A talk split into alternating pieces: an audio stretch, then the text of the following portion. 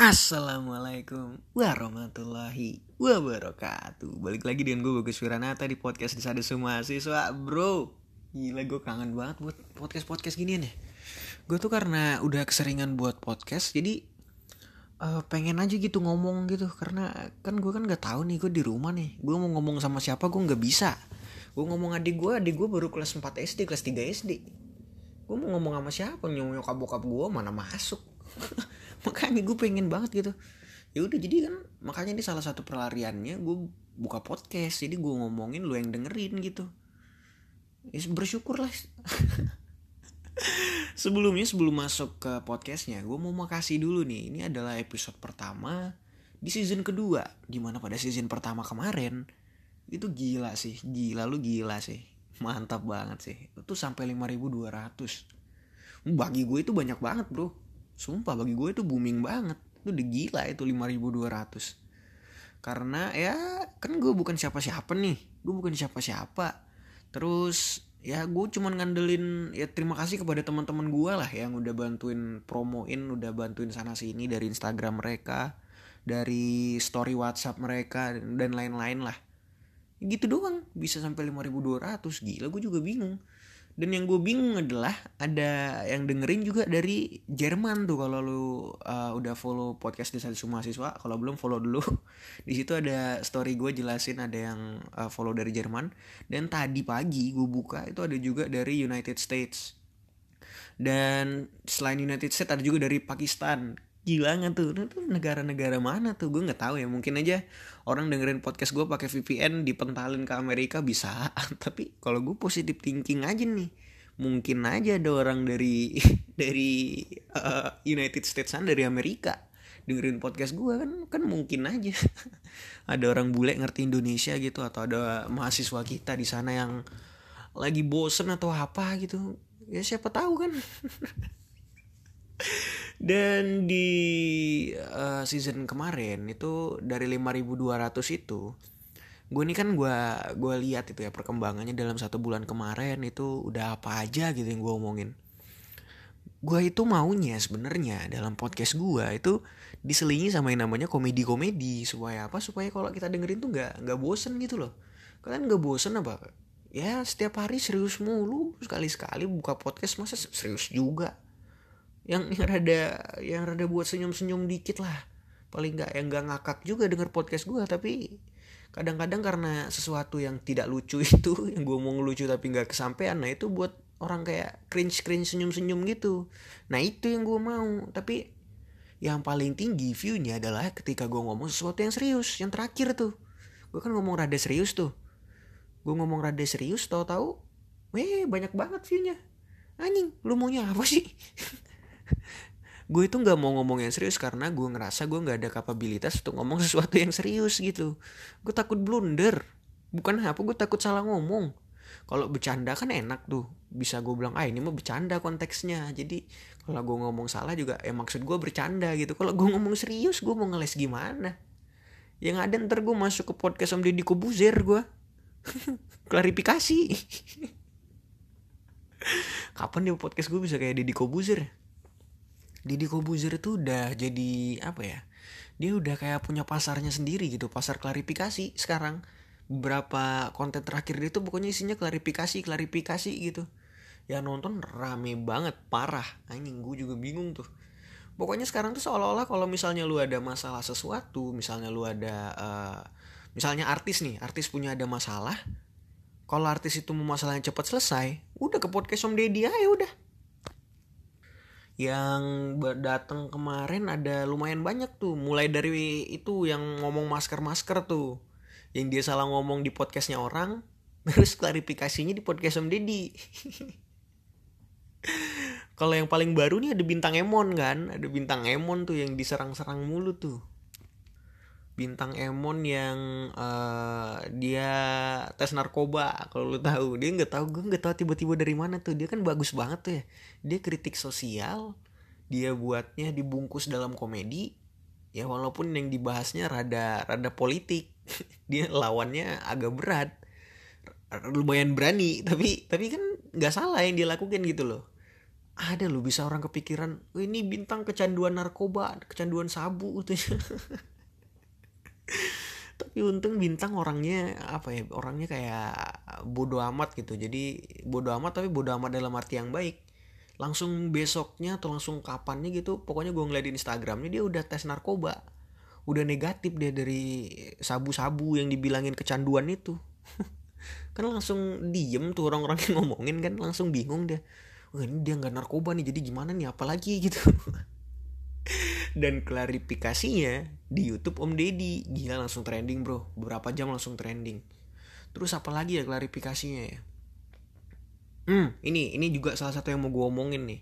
Klarifikasi ada ibu-ibu punya anak kandung saling sindir di Instagram.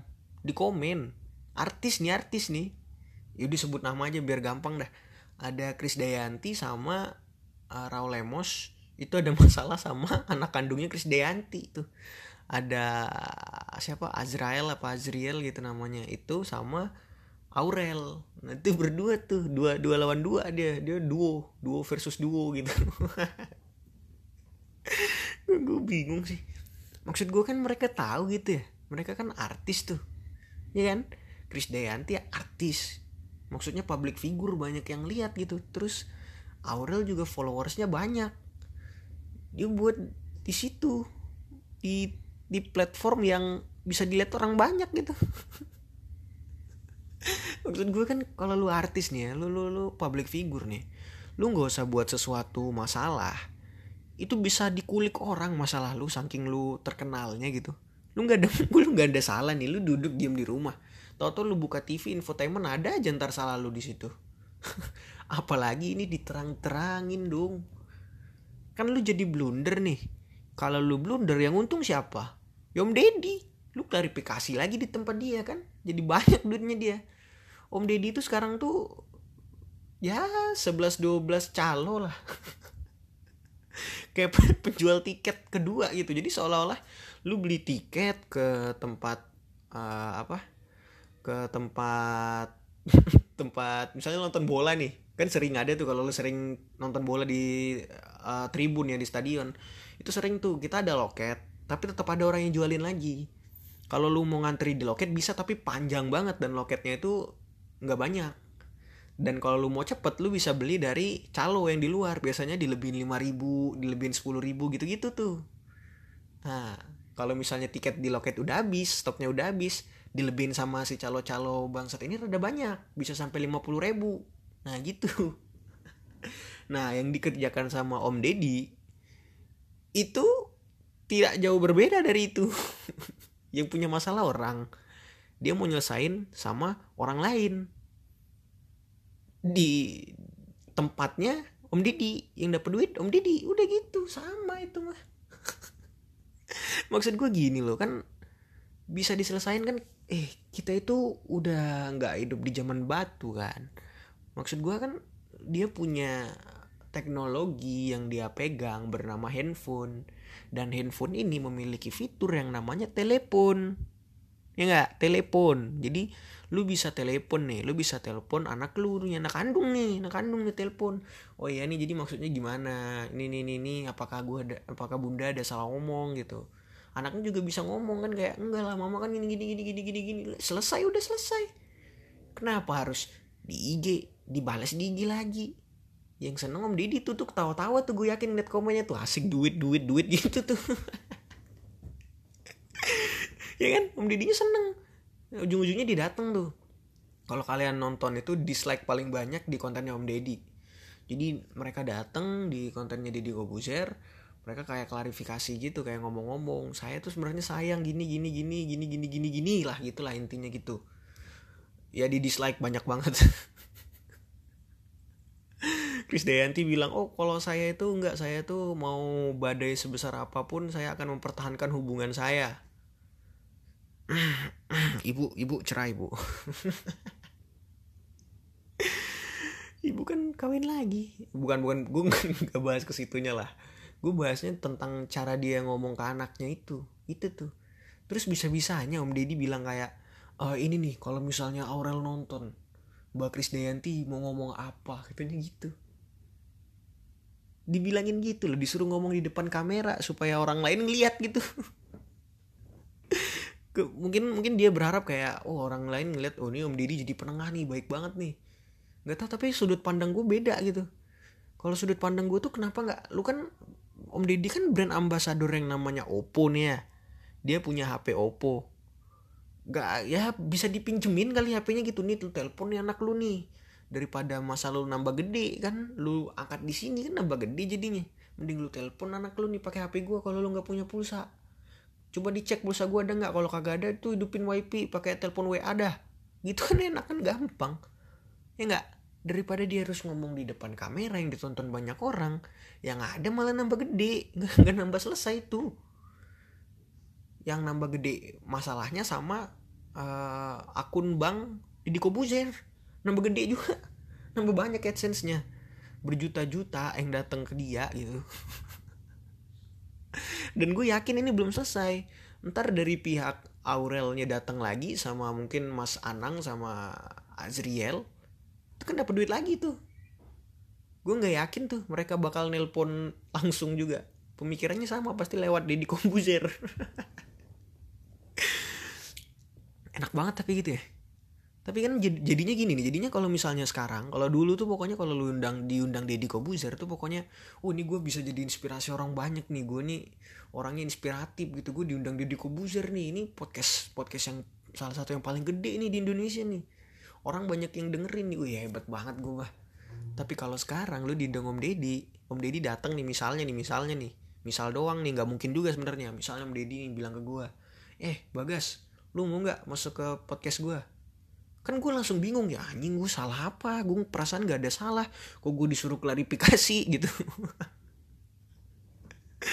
Udah jadi stereotipnya Om Deddy gitu sekarang. Pokoknya kalau ada masalah klarifikasi dah cepet-cepet ke Om Deddy gitu.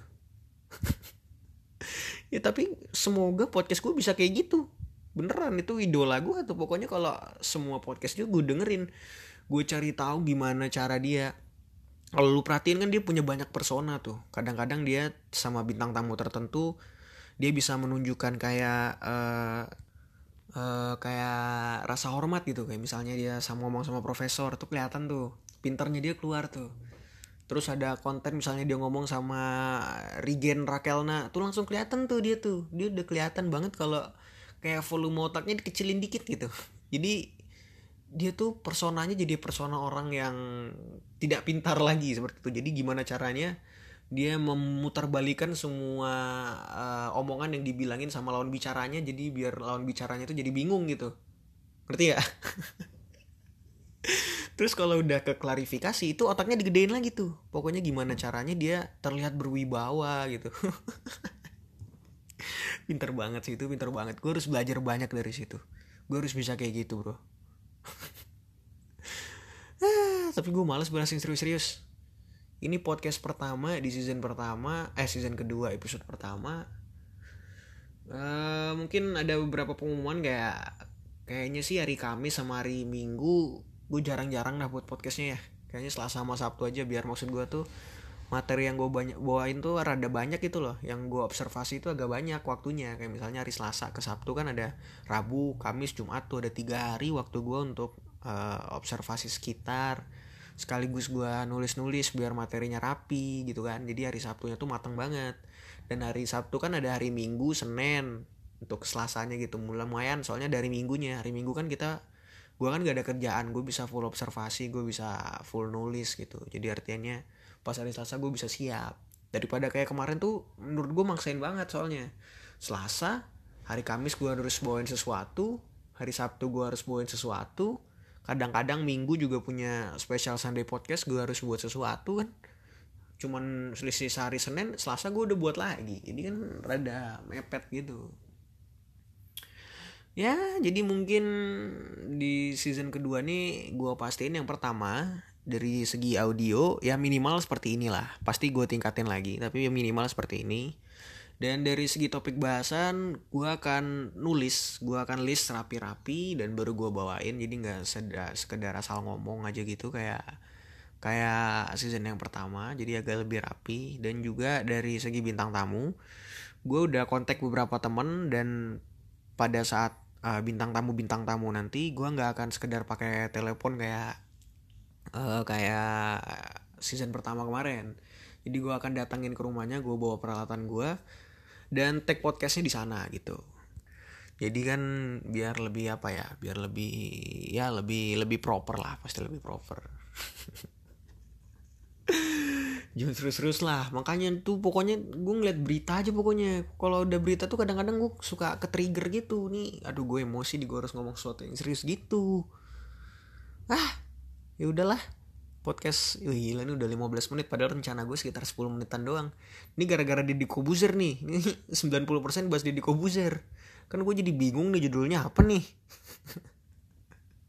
Jadi ya segini dulu podcast episode pertama. Tungguin untuk episode-episode selanjutnya karena episode selanjutnya itu pasti apa ya bisa gue bilang itu ya gernya lah Oke jadi gue Bagas Wiranata. This is podcast Desa Desuma Siswa. Assalamualaikum warahmatullahi wabarakatuh. Bye